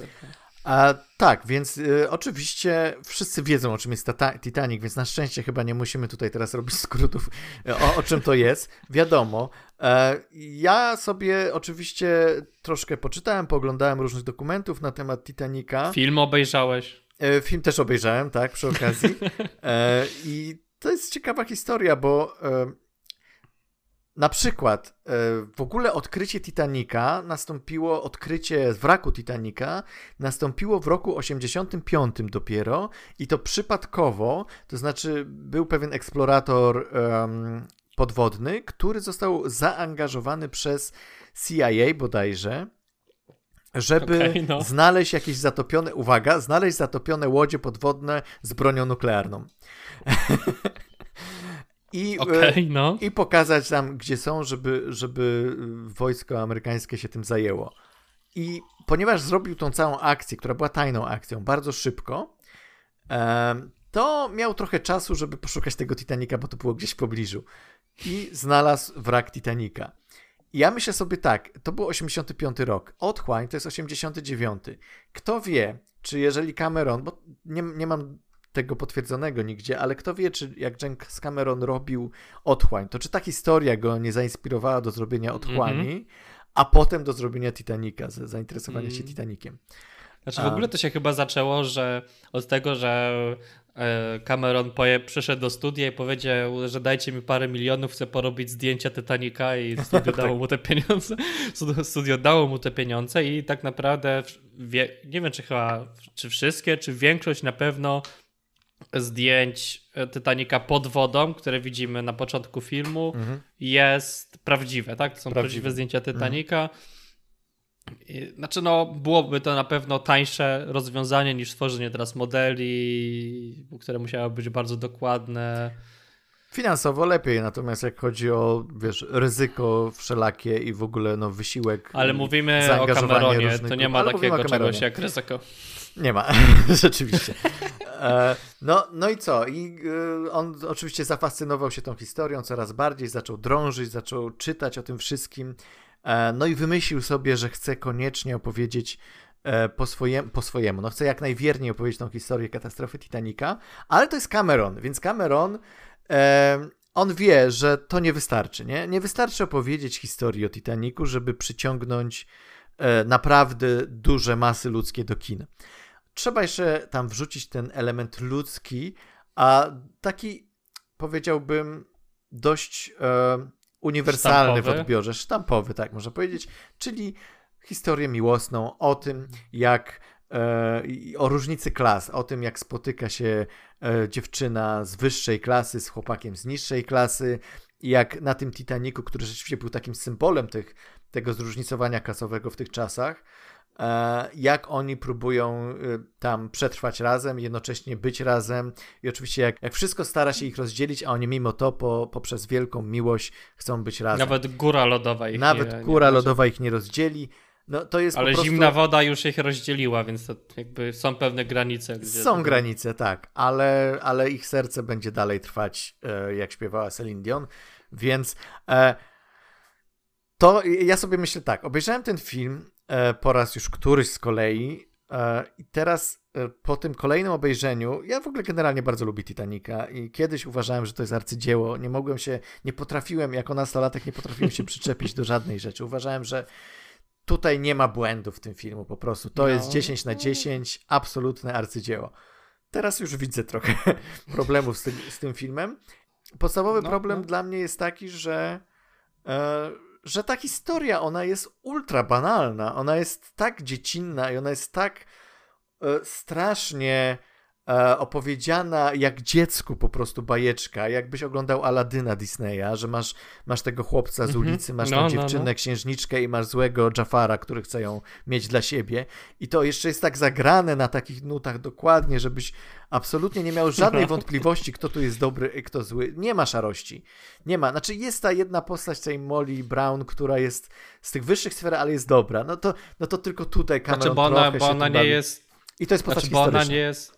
Znaczy, bo ona nie jest postacią. W ogóle to jest moim zdaniem jedna z najlepszych postaci Tak, w tym filmie, bo tak, ona nie oczywiście. jest. Bo to jest tak, że tutaj nie są. Konflikty w ogóle są na różnych poziomach, bo masz Tak. pomiędzy biednymi a bogatymi, i pomiędzy nowymi a starymi pieniędzmi, tak? No bo Mhm. mimo tego, że ta Katie Bates tak naprawdę jest najbo- jedną, prawdopodobnie najbogatszą z nich wszystkich, to tak naprawdę wszyscy traktują ją gorzej, bo nie ma tytułu tam jakiegoś tam arystokratycznego i nie Mhm. jest bogata od iluś tam pokoleń i generalnie s- spoprała się i ubrudziła się pracą jakąkolwiek, Mhm. tak? I ten Dlatego cały... ona widzi, no, widzi po prostu e, tego Dawsona i no czuje jakby jakąś więź z nim, tak? I dlatego to jest tak, i myślę, że tutaj y, wlał siebie Cameron w to, bo Cameron też wypracował sobie tą swoją pozycję latami, tak? Zaczynał od pucy buta w cudzysłowiu, e, a skończył jako król świata filmowego i, i myślę, że tutaj naj, najwięcej serca włożył w tą postać, bo ją rozumiał najbardziej, a cała reszta to jest no po to, żeby przyciągnąć nie tylko tych starych ludzi, którzy chcą zobaczyć, jak ten Titanic zatonął, ale też młodych, żeby opowiedzieć tą bardzo popową historię miłosną, która ma być jasna, prosta, klarowna, żeby nie było żadnych wątpliwości, o co tam chodzi. Natomiast jak, jak, jak opisywanie warstw społecznych y, robi bardzo dobrze Cameron, to znaczy właśnie pokazywanie, jak to działa, to jest ten fajny element tutaj, tak? E, to ta wiesz, bo nawet wiesz. jest taka no, banalna. Znaczy, moim zdaniem właściwie ta pierwsza połowa filmu, znaczy nie licząc pierwszych 20 minut, które są absolutnie niepotrzebne, tak? Gdzie tam schodzimy. Współczesność. Współczesność to jest w ogóle Jest Jak słucham czasem dialogów, które Cameron tam wciska w te postaci, to mówię, o Boże, łapie się za głowę i tylko jedyna rzecz, która jest gorsza, to te alternatywne wersje tych scen, łącznie z zakończeniem, o czym powiem. zakończeniowym, no tak. Ale masz tak, że tak, znaczy jest ważny jedyny ten element, że oni pokazują jak ten Titanic tonie, jakby z perspektywy jakby takiej technicznej, żebyśmy Mhm. my potem już w trakcie oglądania wiedzieli co się dzieje, tak? I Mhm. że znamy cały ten mechanizm, dzięki temu możemy się skupić bardziej na tym jak te postacie reagują, a niekoniecznie co się dzieje. To jest jakby Mhm. jest chyba jedyny plus tak naprawdę. Ale na przykład jest pierwsza połowa filmu, no, ale pierwsza połowa filmu mi się strasznie podobała, tak? To, że oni, wiesz, ta historia miłosna, która jest absolutnie banalna, ale czasami te najprostsze, banal, najbalniejsze historie są najlepsze, to jak oni tam próbują lawirować między tymi problemami społecznymi, Mhm, to jak oni, wiesz, właśnie tą Kate Bates po prostu, no, Molly Brown, tak aktor, Katie Mhm. Bates aktorka, Mhm. ale że jak oni w ogóle ją traktują inaczej, a okazuje się, że to jest najlepsza babka ze wszystkich, to jak ci mężczyźni w ogóle traktują tego Dawsona i te kobiety wszystkie tam, jak bardzo dużo tam ta, ten Kate Winslet jest uderzany. Coś mi się wydaje, że Cameron ma, ma do bicia tych kobiet. Tak, więc- w ogóle tutaj ilość e, plaskaczy i, i w ogóle uderzeń w twarz w tym filmie, to jest e, naprawdę można policzyć, tam jest naprawdę tego sporo. Generalnie dużo jest walenia po mordzie w Titanicu. Mhm. Coś, coś, coś ma Cameron do tego No. najwyraźniej.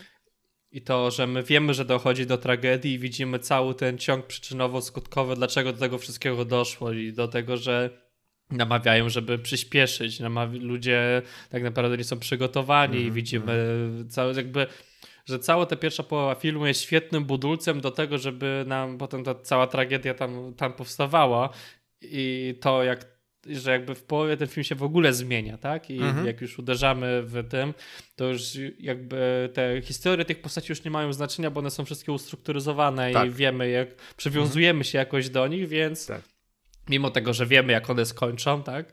Mhm. czy no wiemy, tak, bo dowiadujemy się na samym początku filmu, to nadal jakby czujemy napięcie, kiedy oni, no może też jest tak, że to jest budowanie napięcia i wiemy, że jak wiemy, że coś się wydarzy, to czekamy z tym napięciem, żeby coś się wydarzyło, ale już na przykład tworzenie struktury tego, jaki jest chaos na tym statku Mhm. to jak jest napięcie, kiedy oni tam próbują w tym tonącym statku wyciągać się, tak? Kiedy e, ta Rose próbuje Jacka wyciągnąć z wyciągnąć z, stamtąd, tak? To wszystko jest świetnie nakręcone. Tak. Chaos, ilu ludzi musiało być zaangażowanych, żeby, uda, żeby udawać, że się topią, topią. No to 40. no 40. 40, a reszta to jest dodany To- CGI mock-up. To jest też, to jest Tak. też niesamowite, ile tam tego naprawdę nie to jest 97 rok. To jest pierwsze próby z e, tego e, robienia tego motion capture E, I jak są takie oddalenia, wiesz, z daleka ujęcie na cały statek, nie tylko jak tonie, ale wcześniej też te takie, jak, jak płynie ten money shot, tak, No to, z no to było Titaniciem. widać. No. No tam czasem widać, ale, ale jak jest naprawdę daleko, to nie jesteś w stanie rozróżnić, czy to są prawdziwi aktorzy, Tak. czy nie. A w przypadku, kiedy już jest ten chaos, gdzie rzeczy- rzeczywiście są tam prawdziwie... e, Jest ciemno. Jest ciemno, tak. To, To- to to rzeczywiście nie jest widać. problem z tym, żeby rozróżnić, który jest aktorem, a który nie jest. E, Także to się świetnie No, udało. No. Znaczy wiesz, no ja ostatnio raz oglądałem Titanica dawno temu, tak? I teraz jak sobie to obejrzałem na, świe na świeżo, tak Mhm. No, no. naprawdę, e, w jakimś tam spokoju, to doceniam ten film chyba bardziej niż to. no właśnie, bo ty mówiłeś, to- że tak średnio no ci tak się średnio, podobał. tak, ale tutaj właśnie chyba zmieniam trochę zdanie i wydaje mi się, że jest to jakby z perspektywy czasu, jak się to ogląda i myślisz o tym, że myślisz o tym, o tym filmie, tak? No ta historia miłosna jest banalna, ale Ale działa. to, ale działa. No to niestety banalne historie działają i z jakiegoś Mhm. powodu, tak?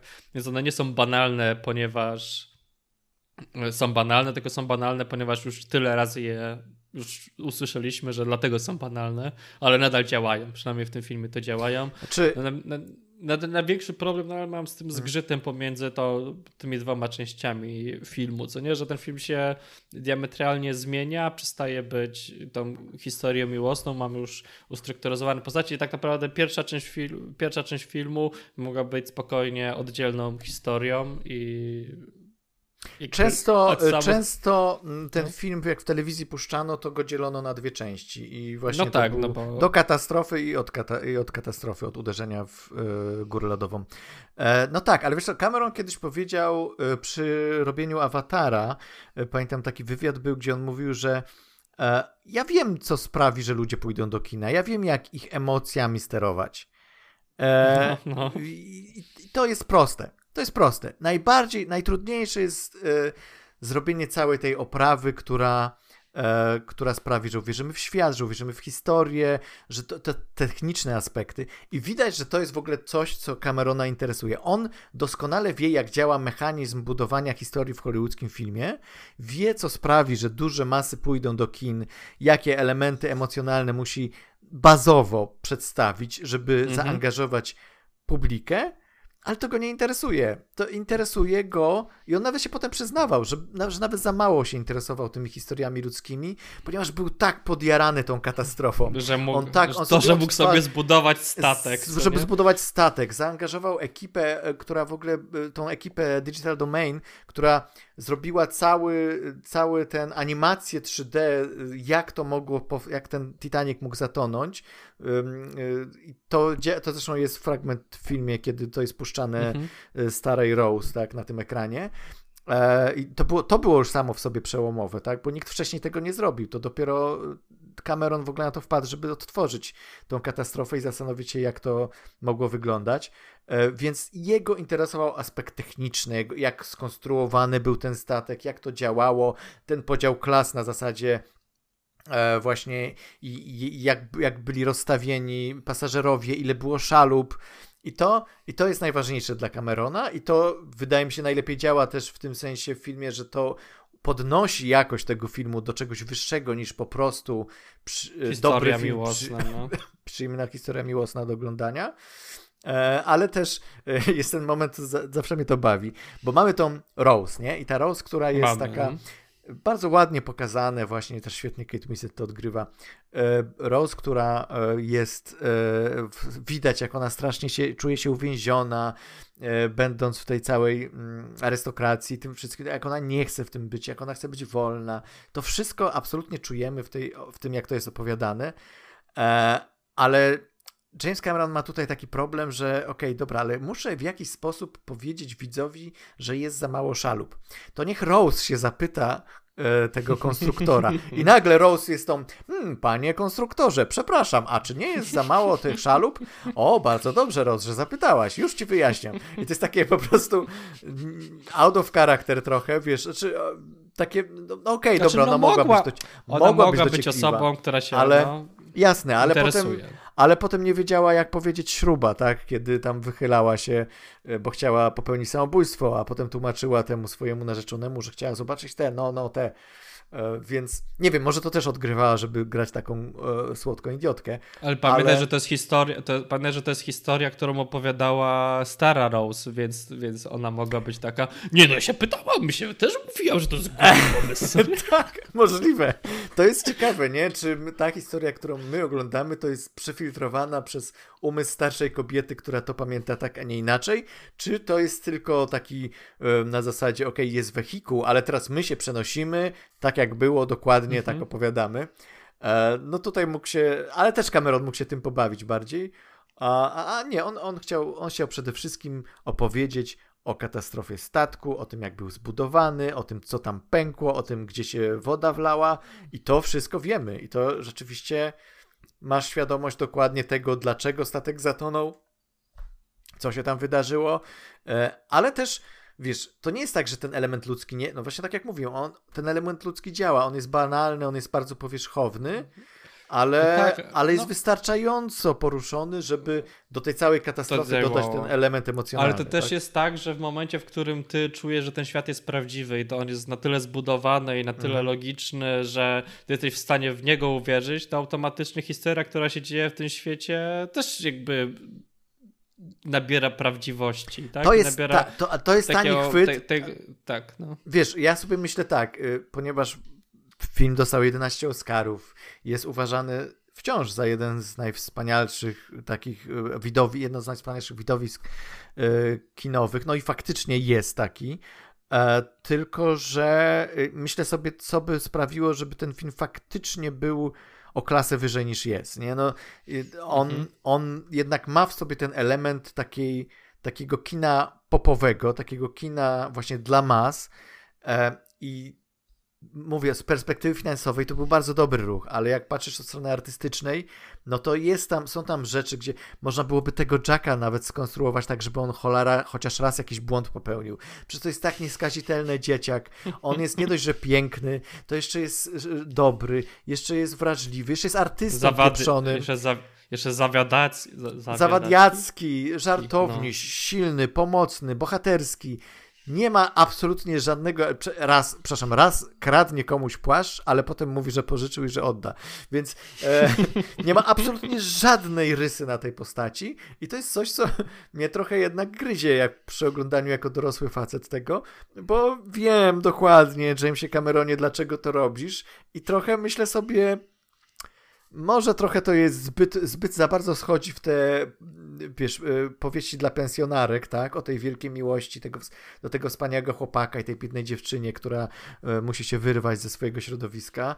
E, można byłoby tam się pobawić wnikliwie. Szczególnie, że film trwa na tyle długo, że na pewno by się zmieściło. Można by coś tam. Można byłoby. E, jedna rzecz ciekawa jeszcze a propos tego, jakim megalomanem absolutnym jest Cameron. Otóż, e, nie wiem czy wiesz, ale być może wiesz, e, rysunki Jacka to są rysunki Camerona. I tak, tak, e, sceny, gdzie Jack rysuje Rose, to tak naprawdę tak, James Cameron to, są, rysuje. Tak, tak, I wszystko to, co jest, to jest wszystko to, co widać e, w, mm, w, tej teczce e, Jacka, to są rysunki Camerona. I tak sobie myślę, James Cameron pisze scenariusz, nie? I mówi, hmm, e, Rose przegląda rysunki Jacka i mówi: Jack, te są piękne rysunki, jesteś naprawdę utalentowany. Hmm, wrzucę tam swoje rysunki. Myślę sobie, cholera. Po prostu wow, wow. Tym bardziej, no. że jakby wiesz, y, mam trochę wykształcenie plastyczne i to nie są wcale takie, to są takie bardzo, to jest taka podstawa rysunkowa, nie? To jest takie akademickie rysowanie na, na takim przyzwoitym poziomie. E, być może, być może Jack mógł robić wrażenie na tle innych pasażerów, którzy nie mieli przy sobie szkicowników, ale to nie jest jakaś wielka sztuka, to co Jack robił. Znaczy, znaczy, no, porównywali go do Picassa, więc to też nie jest, że to jest... Tak, tak, tak.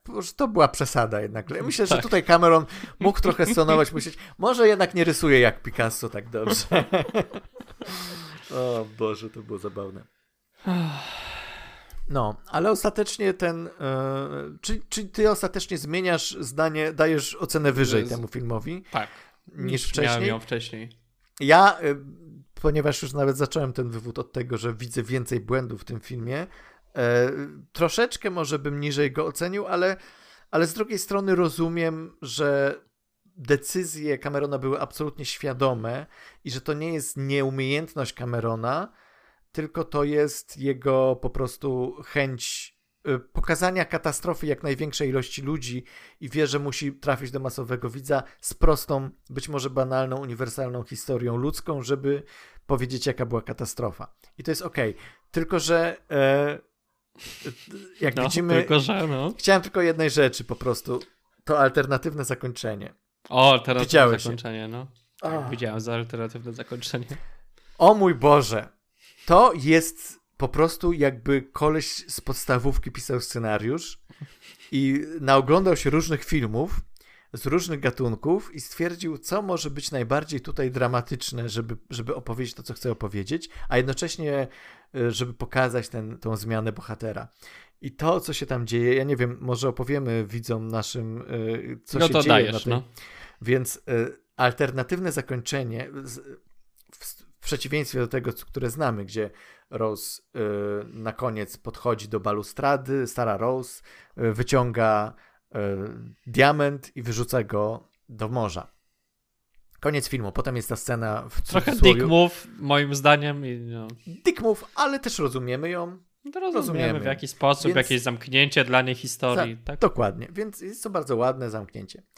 E, natomiast wcześniej Cameron nakręcił scenę, w której, uwaga, mamy scenę, kiedy Rose podchodzi do balustrady, kiedy wyciąga diament i widzimy e, to, całą scenę, e, widzi gdzieś z góry e, Bill Paxton i ta wnuczka e, bohaterki, późniejsza żona Camerona, jakby co. E, wnuczka, bohater, wnuczka Rose. I oni to widzą, myślą, że ona chce wyskoczyć, więc zbiegają tam do niej, mówią, nie, Rose, nie rób tego. A ona się odwraca, trzyma diament i mówi, no nie, podejdź, nie podchodźcie bliżej, bo, bo to rzucę, nie? nie, nie rób tego, Rose, nie rób, nie rób. W końcu Rose e, e, opowiada całą tam piękną tyradę o tym, że najważ, najbardziej wartościowe Podsumowuje jest życie. film. Podsumowuje film bardzo ładnie, żebyśmy wiedzieli o co chodzi, e, ale Bill Paxton mówi, to chociaż daj mi podtrzymać przez moment ten diament, ten, ten my pressure, my, my precious, nie? Daj, daj go podtrzymać chociaż chwilę. No to ona mu kładzie ten diament na dłoni, on chwilę go trzyma, ona go potem bierze z powrotem i mamy moment, kiedy Bill Paxton spogląda w niebo i zaczyna się śmiać, bo widzimy jak się uwolnił od tego jarzma, tego strasznego diamentu i jest w końcu wolny psychicznie i wyraża swoją wolność tym, że mówi do tej wnuczki, czy ze mną zatańczysz? Ja mówię, o mój Boże, co tu się dzieje? James Cameron. I nawet James Cameron, jak zobaczył tą scenę, to stwierdził, okej, okay, Dobra, nie robimy filmu dla pięciolatków. Robimy film dla dwunastolatków, ok? Dwunastolatki już trochę kumają, można bardziej zniuansować to zakończenie. Pięciolatki może jednak jeszcze niech poczekają na oglądanie tego filmu. E, ale, ale fakt, że miał to w głowie, fakt, fakt, że miał to w scenariuszu napisane, że ludzie to, że aktorzy to zagrali i nie mieli cringe'u odtwarzają, może mieli, ale, ale po prostu i tam jest kilka takich perełek, jak, jak widzisz te alternatywy, jakby e, niewykorzystane ujęcia, to jest kilka takich łopatologicznych scen, które są tak kawa na ławę, wy, wywalone całe, całe znaczenie danej sceny, że cieszę się bardzo, że Cameron postanowił to wyciąć. Czasami tak. Bo dzięki że temu dostał czasami... Oscara, bo myślę, że z tymi scenami by nie miał sensu. to nie, nie. Znaczy, to jest tak, że czasami ludzie są podjarani scenami, wyciętymi scenami, bo myślą, że będą, że tak film byłby lepszy. Nie, większość wyciętych scen jest wyciętych z jakiegoś powodu. Z jakiegoś powodu. A Cameron ma tendencję nawet w tych niewyciętych scenach do przesad, do, do łopatologii, do przesadzania. Wiemy o tym z innych filmów. I w innych filmach niektórych to działa, ale Titanic jest historią opartą na faktach, która ma być też jednak najbardziej ambitnym, była wciąż, myślę, jest no. najbardziej ambitnym przedsięwzięciem Camerona pod wieloma względami, nie tylko technicznymi. I to wymaga jednak subtelności w przekazaniu pewnych historii, i w miarę to się Cameronowi udało. No. E, I, I, tak, no i absolutnie. Y, znaczy, no, film jest. Film jest super i jest dużo scen. To na przykład. No jak... ja, się, ja się cieszę, no, wiesz, że, że, no. że tak się przekonałeś z tego filmu, że.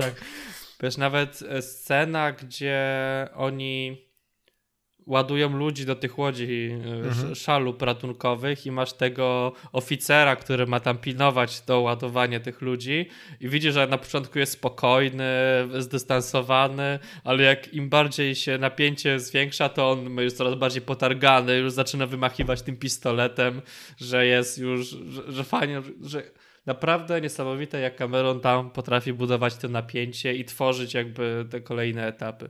I w tym wątku romantycznym, i w tym wątku już katastroficznym. A Billy Zane, czy, czy Billy Zane mógłby być bardziej evil niż jest w tym filmie, czyli, czyli narzeczony Rose. Tak, po prostu nie, ba...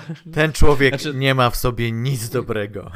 Nawet spojrzenia jak rzuca to takie, że po prostu aż lód się tworzy na, na, na twarzy tego, kto patrzy na niego. ale to jest tak, że on jakby na pewno dałoby się zrobić go gorszego, ale to jest ciekawe, jak on A, dałoby się, oczywiście. No, też, że Dać mu czujesz... złego ptaka i, i taką pałkę czarodziejską, która...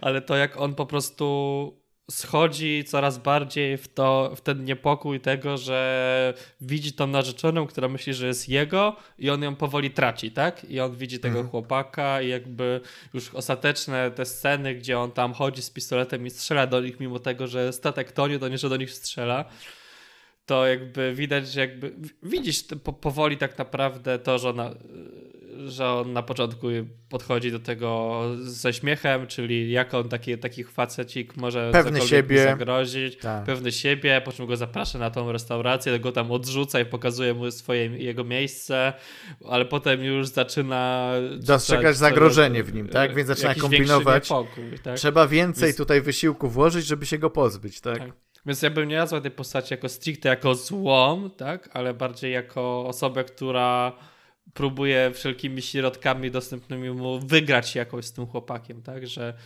e, to nie jest jakby rzecz, którą on może rozwiązać pieniędzmi, tak jak wszystko robił, tak? Więc tak, to... tak. I to, to, to ładnie działa rzeczywiście. I potem mamy tą scenę z tym jednym e, z... Z marynarzy, no, Z marynarzy, tak, tym Mardok, oficerów, tak, Mardokiem, który który dostaje najpierw pieniądze, a potem rzuca mu w twarz i mówi, że te pieniądze nie, e, nie mają już teraz znaczenia, tak, ani dla ciebie, ani dla mnie. To jest super scena w ogóle też.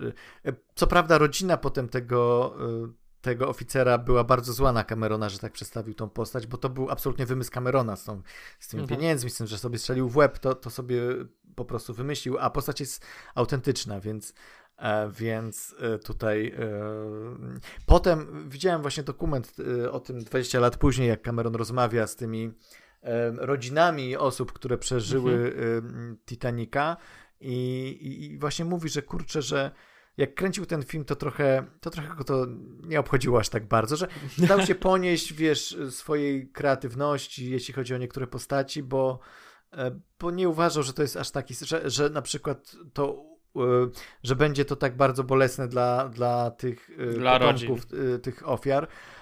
A teraz by to zrobił inaczej. I ja w ogóle jestem ciekaw, co by było, gdyby Cameron teraz zrobił film, bo widać, że rzeczywiście jest dużo bardziej dojrzałym twórcą. Zobaczymy, no, jak mi, to będzie minęło, przy awatarze. Wiesz, minęło ponad 20 lat to.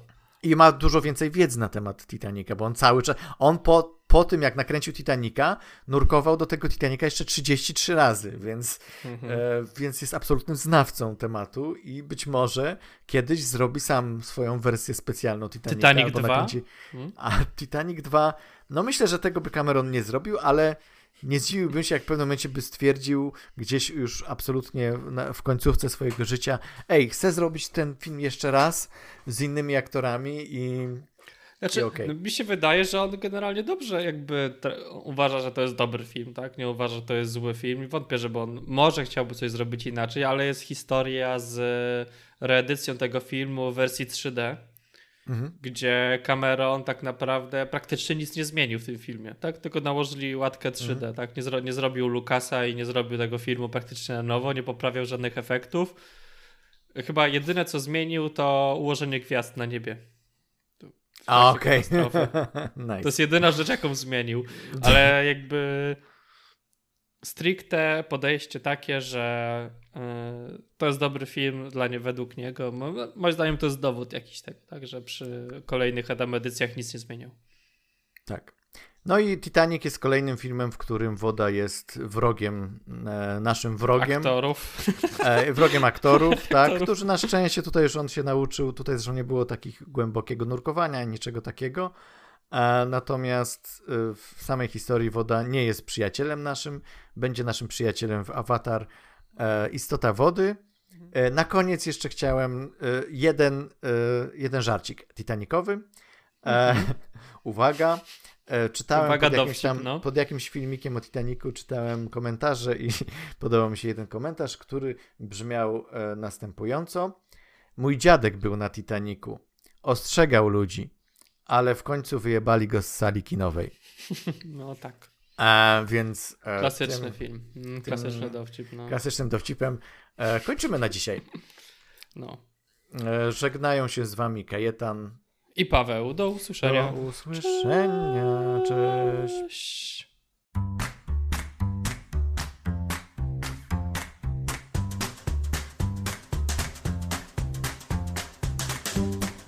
Słuchaliście podcastu filmowego Kinotok. Zachęcamy do subskrypcji. Można nas też znaleźć na Facebooku pod adresem www.facebook.com/kinotokpodcast.